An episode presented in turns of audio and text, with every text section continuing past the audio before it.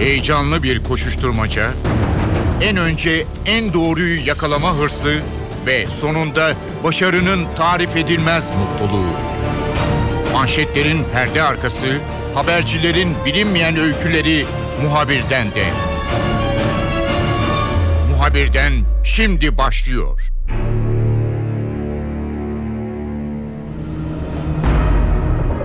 Muhabirden de bu hafta yeniden Ermeni'ye gideceğiz. 10 maden işçisi toprağa verildi. Kaza meydana geldiğinde kurtarma çalışmalarıyla birlikte umutlar tazeydi. Günler geçtikçe umutlar azaldı. Madencilerin cesetlerine ulaşılmaya başlandı ve neredeyse umutlar tükenmiş durumda. Artık insanlar toprak altındaki madenin dehlizlerindeki yakınlarının cenazesini görmek ve onu toprağa vermek istiyor. NTV muhabiri Sibel Atasoy kaza ilk meydana geldiğinde Ermeni'ye gitmişti. Yani çalışmalar sürerken, umutlar tazeyken Ermenek'teydi. Daha sonra günler geçtikçe, umutlar azaldıkça yine Sibel oradan notlarını NTV ekranlarından paylaştı. Ve son olarak da artık insanların umutlarını yitirdiği gün yani cenaze törenlerinin yapıldığı günde Sibel yine Ermenek'teydi yine notlarını NTV ekranlarından paylaştı. Sibel bizimle olacak notlarını paylaşacak. Muhabirden başlıyor. Ben Kemal Yurteri.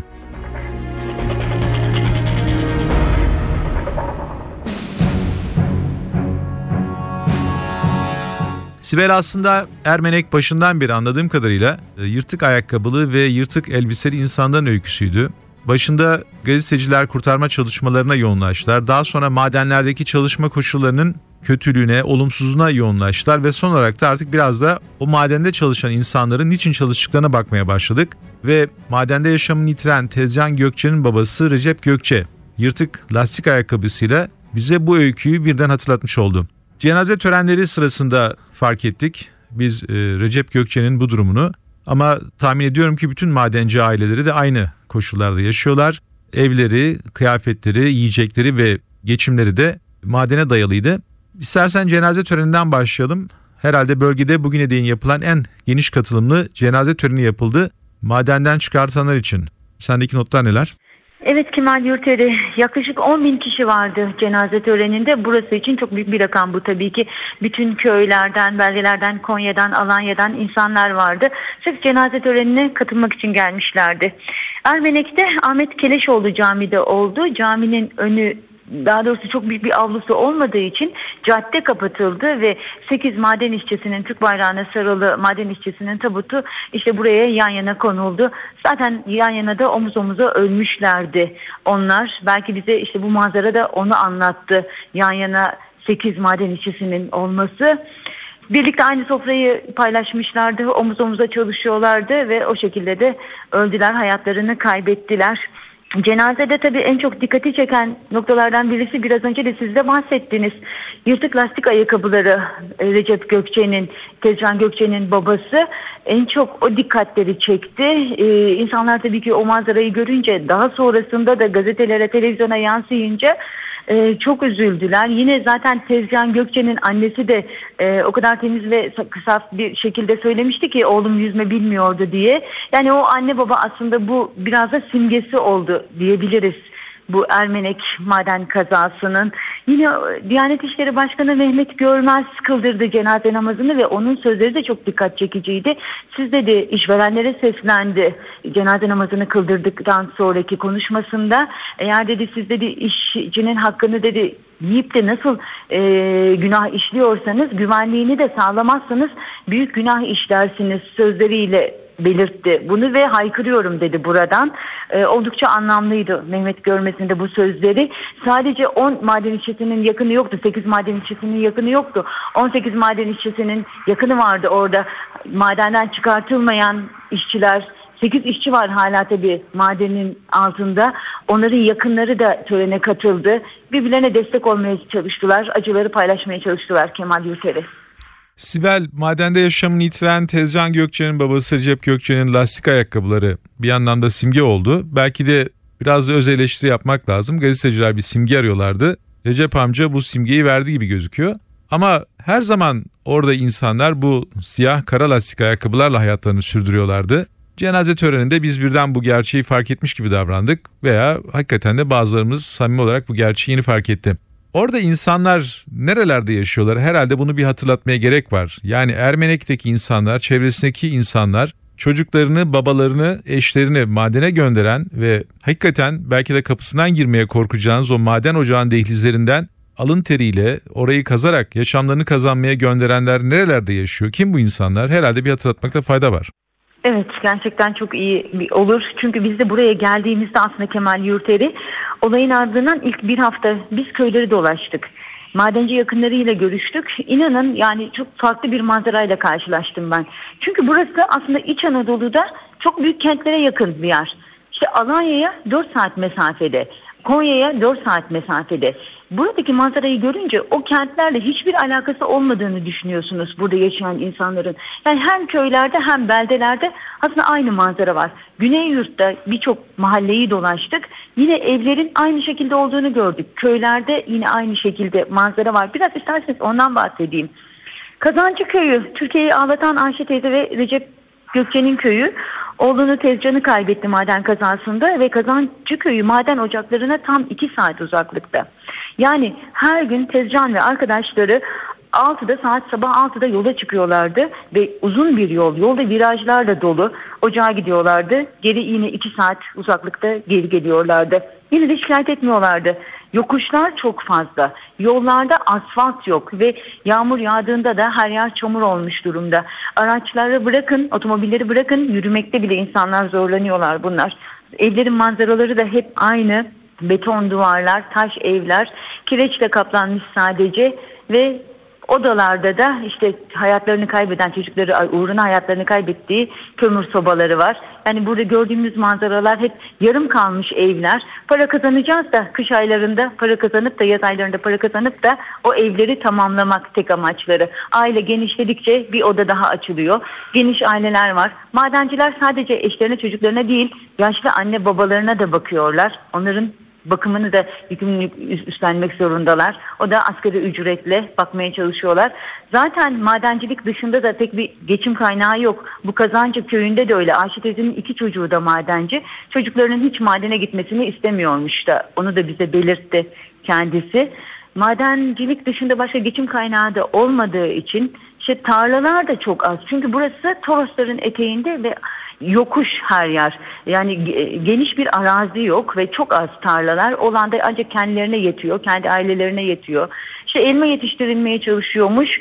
O da e, elma yetiştirilen yerde yine Üzümlü köyü ve e, bu taraflar e, o taraflarda da elma para etmiyor. Orta Doğu'daki yaşanan olaylar nedeniyle ihracat azalmış. Biz de gittik gördük ki elmalar hep yollarda kalmış. Yollarda kasalarda bekletiliyor. O da para etmedi dediler. Hani tek geçim kaynağı madencilik. Tuvaletleri dışarıda olan evler var gördüğümüz. Hep yarım kalmış. İşte şimdi yavaş yavaş tamamlamaya çalışıyorlarmış. Ancak işte bu kazanın ardından da e, bu şekilde evler. Sibel, e, Tezcan Gökçe'nin babası Recep Gökçe kara lastiğiyle bize bir yandan da şey hatırlattı. Yani Türkiye manzarasını bir kez daha hatırlattı. Çünkü anladığım kadarıyla kara lastiği biz çok şaşırarak gördük. Bizi çok şaşırttı. Tırnak içerisinde söylüyorum. Fiyatına baktık. Kara lastik nedir diye haberler gördük. Bunun fiyatına ilişkin bir takım araştırmalar okuyoruz. Birden bir kara lastik gündemimize girdi. Esasında tabii Türkiye'de Anadolu'da insanlar çok uzun yıllardır kara lastiği kullanıyorlar. Kara lastik kullanan çok sayıda insan var ve herkes de mağazadan alışveriş yapmıyor. Bu gerçeği de biz Recep amca sayesinde öğrenmiş olduk.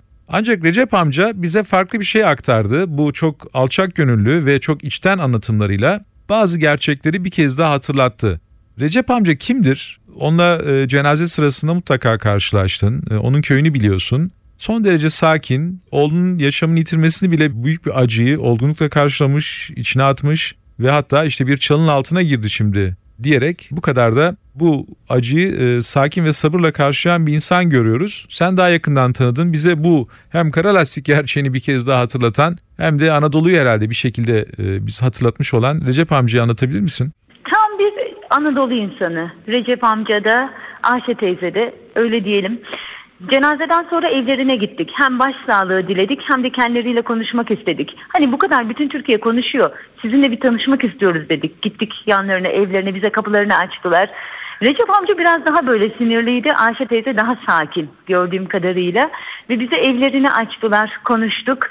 Yırtık ayakkabıdan bahsetti. Yani dedi ki biz zaten Recep amcaya ayakkabı yağıyor. Belki 60 çift ayakkabı geldi. Ama dedi ben lastik ayakkabımdan vazgeçmem dedi. O kadar ayakkabı da gelse o yine lastik ayakkabısını giyecek. Çünkü ben bununla rahat ediyorum tarlada, çamurda, bahçemde.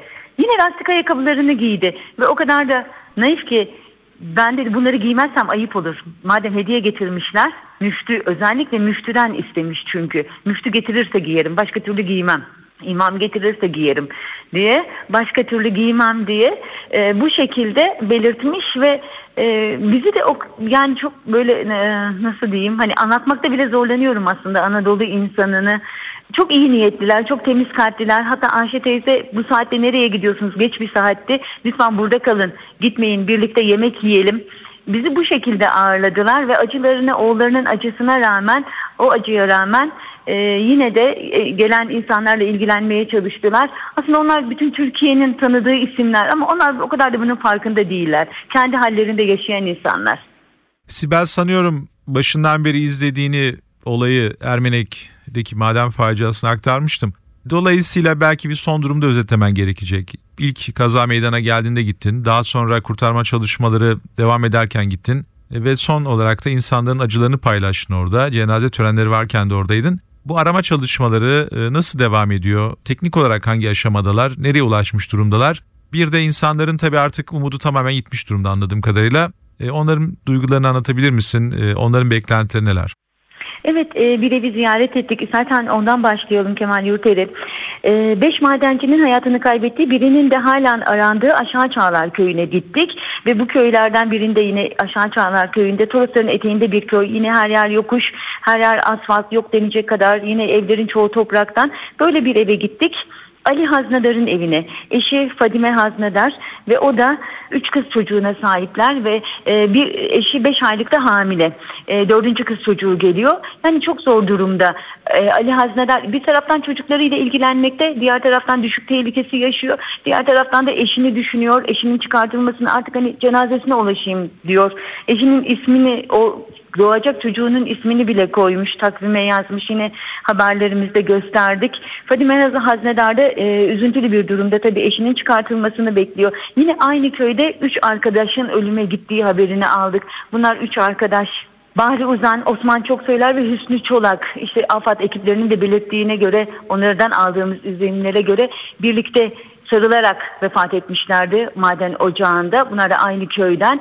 Aynı vardiyada çalışıyorlardı. 5 yıldır aynı ocağa aynı saatte serviste gidiyorlardı.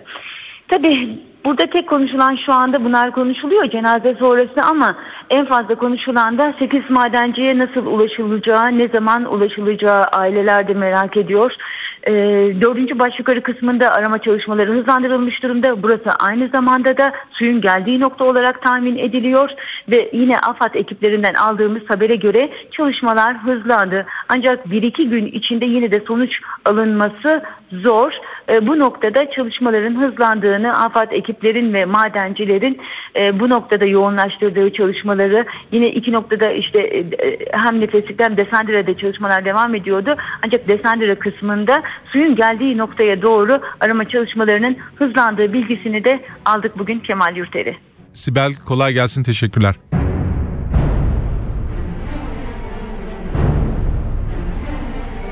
Muhabirden de bu hafta Ermenek'teki maden kazasındaki son duruma baktık.